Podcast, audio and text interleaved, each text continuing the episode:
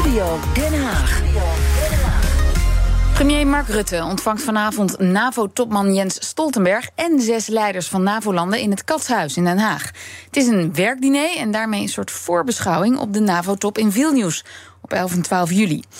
Vanavond tussen voor- en nagerecht gaat het in elk geval over de oorlog in Oekraïne en de gebeurtenissen in Rusland van afgelopen weekend natuurlijk. Politiek verslaggever Leonard Beekman is in Den Haag. Goedemiddag. Goedemiddag, Lisbeth de Kees. Ja, Leonard, zes NAVO-landen dus bij Rutte en Stoltenberg aan tafel. Heeft Rutte die eigenlijk zelf gekozen?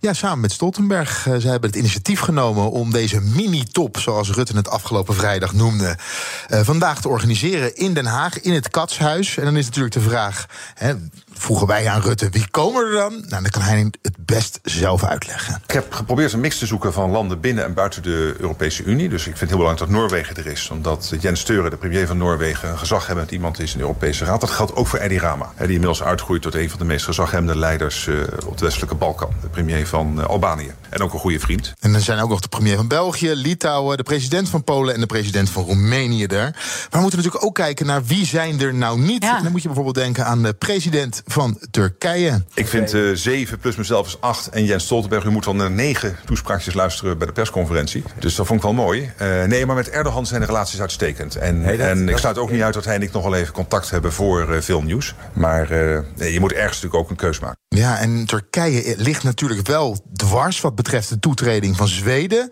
tot de NAVO. Een onderwerp dat zeker besproken gaat worden vanavond. Uiteraard ook heel belangrijk. Uh, zou het fantastisch zijn als het zou lukken de komende week een doorbraak te bereiken op de Zweedse toetreding tot uh, de NAVO, waar nog bezwaren leven bij Hongarije en Turkije. Ja, dus uh, de spelbrekers zijn er in ieder geval niet bij vandaag. Ja, en dan praten ze ook nog over de ontwikkelingen in Rusland. Wordt een druk etentje.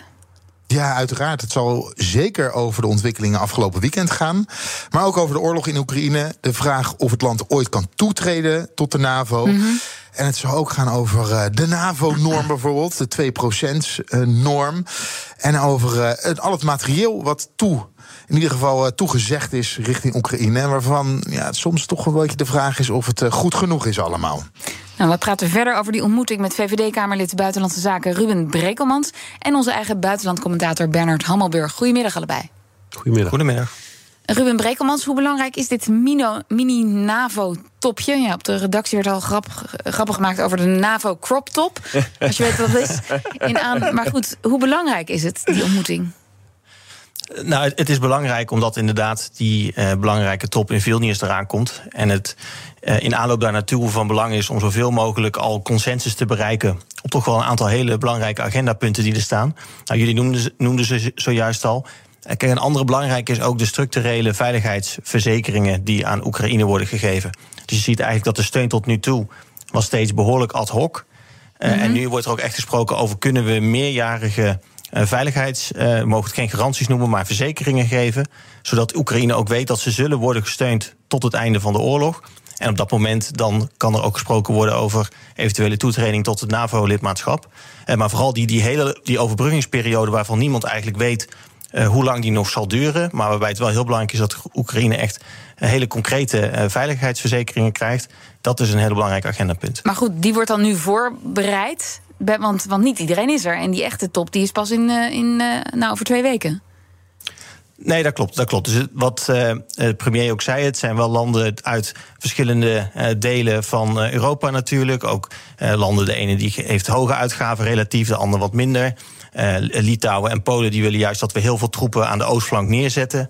Nou, andere landen willen juist wat meer ook achter de hand houden. Dus zo zijn het best wel landen met verschillende opvattingen. Mm -hmm. uh, en als het dan lukt om met die zes landen al tot een consensus te komen, ja, dan maakt dat ook voor Stoltenberg makkelijker om en vervolgens ook op basis van zo'n consensus ook de grote landen uh, ook, ook die aan boord te krijgen. Oké, okay, Bernard, ja, een belangrijke voorbeschouwing dus. Zie jij dat ook zo? Jawel, op dit moment zijn al die bijeenkomsten van belang. Alleen het is nu heel gering van omvang. En zoals jullie al zeggen, echt de belangrijke punten. Ik, ik zou, uh, als ik uh, um, uh, Rutte was geweest, wel, wel degelijk Erdogan hebben, hebben uitgenodigd. Want die beslissing over, over, over Zweden is echt heel mm -hmm. belangrijk. Die moet nu genomen worden. dus ik begrijp niet waarom die wel Albanië doet, maar niet Turkije. Maar goed. Um, inhoudelijk is het allemaal heel belangrijk. Uh, wie natuurlijk ook ontbreekt is Amerika. Want dat is en blijft het grootste NAVO-land. En er is heel veel, nou ja, ik zal maar zeggen, discussie of twijfel over de duurzaamheid van de Amerikaanse steun, om het zo maar te zeggen. Daar, daar wordt heel veel over gesproken, ook in het Amerikaanse congres. Het is echt niet zo dat er nu op dit moment een situatie dreigt waarbij de Amerikaanse steun wegvalt. Maar er wordt wel steeds meer over gesproken. Um, en uh, ik neem aan dat dat ook een punt is van discussie tussen dit groepje. Want wat doe je dan op het moment dat de Amerikaanse steun zou verminderen of onder druk komt? dan is het mijn indruk dat dan de Europese landen sneller uitwijken naar de wens om te gaan onderhandelen. In plaats van om te blijven steunen. Dus het zijn grote en principiële kwesties waar echt serieus over moet worden gesproken. Dus jij zegt eigenlijk, ja, dan had bij zo'n etentje, zo'n werkdiner ter voorbereiding, dan kun je beter andere landen uitnodigen met wie je nou ja, meer moet debatteren op deze punten. Ja, ik, ik, ik weet eerlijk gezegd niet precies wat zo'n crop top nou precies voor. Ja, dat is een naveltruitje. ja, ja, dan weet ik wat het nou precies voor nut heeft. Uh, want we zitten vlak tegen die uh, uh, grote top in Vilnius aan. maar goed, ik, laat ik maar zo zeggen: kwaad kan het niet. En het kost een dineetje, ook niet het einde van de wereld. Um, en het, het, het, het stelt Stoltenberg gerust, want die wilde dit heel graag. En dat is een serieuze man naar wie we allemaal heel vlijtig en braaf luisteren. En meneer Brekelmans.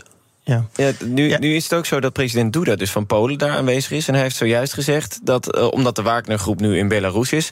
dat hij eigenlijk wel een uh, versterking wil van de oostflank van de NAVO. Dus in zijn land. Vindt, uh, vindt u dat een realistische vraag? Op zichzelf wel, als daardoor de dreiging ook van zowel Litouwen als Polen toeneemt. Kijk, het is natuurlijk nog wel helemaal de vraag in hoeverre... de Wagner-groep zich daar daadwerkelijk zal stationeren. is het alleen Prigozhin en een paar mensen om hem heen... of zijn het echt duizenden mensen die daar naartoe gaan? dat is wel afwachten, dat, dat weten wij allemaal nog niet. Kijk, ik denk waarom het ook nog twee redenen toe te voegen waarom dit wel belangrijk is. Het eerste is, er wordt ook binnen de NAVO vaak uh, overlegd, dat noemen ze de Quad. Dus dat zijn de VS, VK, Duitsland en Frankrijk. Um, dus dit is ook een moment voor Nederland en wat kleinere landen natuurlijk om ook input te geven aan Stoltenberg. He, dus ook mm. een moment om uh, namens eigenlijk de groep van kleinere om. landen. Ja. Precies. Uh, en een. Um, uh, dat, dat is één. En een tweede is, het zijn ook allemaal landen waar Nederland ook bilateraal uh, iets mee heeft. Dus bijvoorbeeld um, Litouwen. Wij zijn zelf ook, zijn wij in Litouwen zijn wij aanwezig met onze militairen om daar Rusland af te schrikken. En we hebben ook, eh, zijn we tot voor kort waren we in Roemenië actief. Uh, nou goed, de discussie met, met Polen, die ook weer invloed heeft op Hongarije natuurlijk. En dan weer uh, vervolgens uh, voor die toetreding van Zweden. Ja. Dus het zijn ook momenten om weer even met die landen waar wij als Nederland iets mee hebben. Of die op de grote dossiers ook wel weer invloed hebben op bijvoorbeeld een land als Hongarije. Om die ook even één op één te kunnen spreken. En Bernard, Liz Truss, nu uh, lid van het Lagerhuis in het Verenigd Koninkrijk, ja, vindt dat er een plan moet komen, internationaal, voor het Rusland na Poetin. Hoe ver of hoe dichtbij dat dan ook is.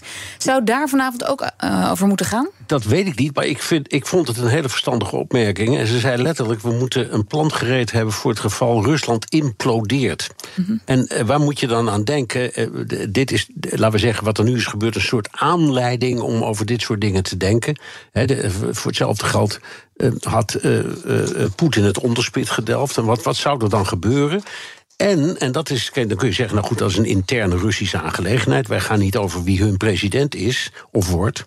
En er zijn ook verkiezingen begin 24. Dus ja, daar gaan ze zelf over. Maar het is een land dat bestaat uit iets van 100 verschillende groepen en volken en gebiedsdelen. 22 republieken. Um, en daar zitten heel veel spanningen. Hm. Denk aan de republieken in de Caucasus.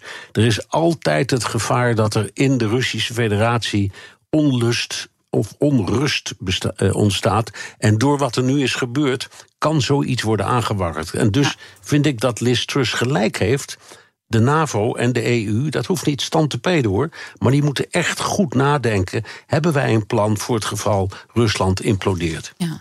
Dan nog even tot slot, eh, Ruben Brekelmans, een HR-kwestie. We hebben het hier in de studio vaker gehad over de toekomst van Mark Rutte. Onder andere oud-diplomaat Pieter Feit. Die ziet in Rutte wel een kandidaat om Stoltenberg op te volgen. En dit zei hij bij ons in april. Toen, dat was dat moment toen uh, Emmanuel Macron hier een officieel bezoek bracht. Ik denk dat na het bezoek van president Macron aan Amsterdam, aan Nederland, en dat bezoek is heel vriendschappelijk en warm geweest tussen Macron en Rutte, dat uh, zijn kansen misschien beter zijn geworden. Ja, nou, nog een extra jaar voor Stoltenberg, gezien de oorlog in Oekraïne. En dan Mark Rutte als secretaris-generaal? Nou, ik weet dat hij in alle lijstjes Um, ook in, in Brussel op het NAVO-hoofdkwartier dat hij met stip op één staat. Dus dat iedereen met denkt dat hij de meest, zelfs, okay. ja, dat hij de meest geschikte kandidaat zou zijn. Alleen ik weet ook dat uh, premier Rutte zowel voor als achter de, ook achter de schermen tegen iedereen zegt dat hij het niet wil. Uh, dus ook de mensen die zoiets voor hem zouden moeten regelen, uh, daarvan zegt hij ook tegen dat hij het niet wil. En dat hij voorlopig en wat mij betreft nog ontzettend lang in Den Haag blijft. Ja, Bernard, hoe zie jij dat? Ik zie het net zo. Ik heb, je weet, het is altijd een beetje een spel, maar ik heb de neiging om Mark Rutte gewoon op zijn woord te geloven. Hij wil het niet. En eerlijk gezegd denk ik dat het ook niet een baan is die hij echt leuk zou vinden. En je moet, je moet daarvoor um, de achtergrond hebben en het soort passie en belangstelling, zoals bijvoorbeeld een Jaap de Hoop Scheffer had, die uit, uit de diplomatie kwam, minister van Buitenlandse Zaken was geweest, helemaal in die sfeer zat en eigenlijk helemaal dacht in NAVO-termen, dan, dan zit je daarin. En, en dat is bij Mark Rutte niet zo. Dat is een, een Nederlandse premier, en dat zegt, hij, dat zegt hij ook altijd. Hij is gek op de baan die hij heeft. En de baan die daar nu lonkt van Stoltenberg is gewoon lang zo leuk niet voor hem. Nou, misschien horen we daar later nog meer over na dat etentje vanavond. Misschien leuk voor bij het toetje. Dank voor nu, VVD-Kamerlid Ruben Brekelmans en buitenlandcommentator Bernard Hammelburg. Ook Thomas van Zeil vind je in de BNR-app. Je kunt live naar mij luisteren in Zaken doen. De BNR-app met breaking news, het laatste zakelijke nieuws... en je vindt er alle BNR-podcasts, bijvoorbeeld Het Nieuwe Geld. Download nu de gratis BNR-app en blijf scherp.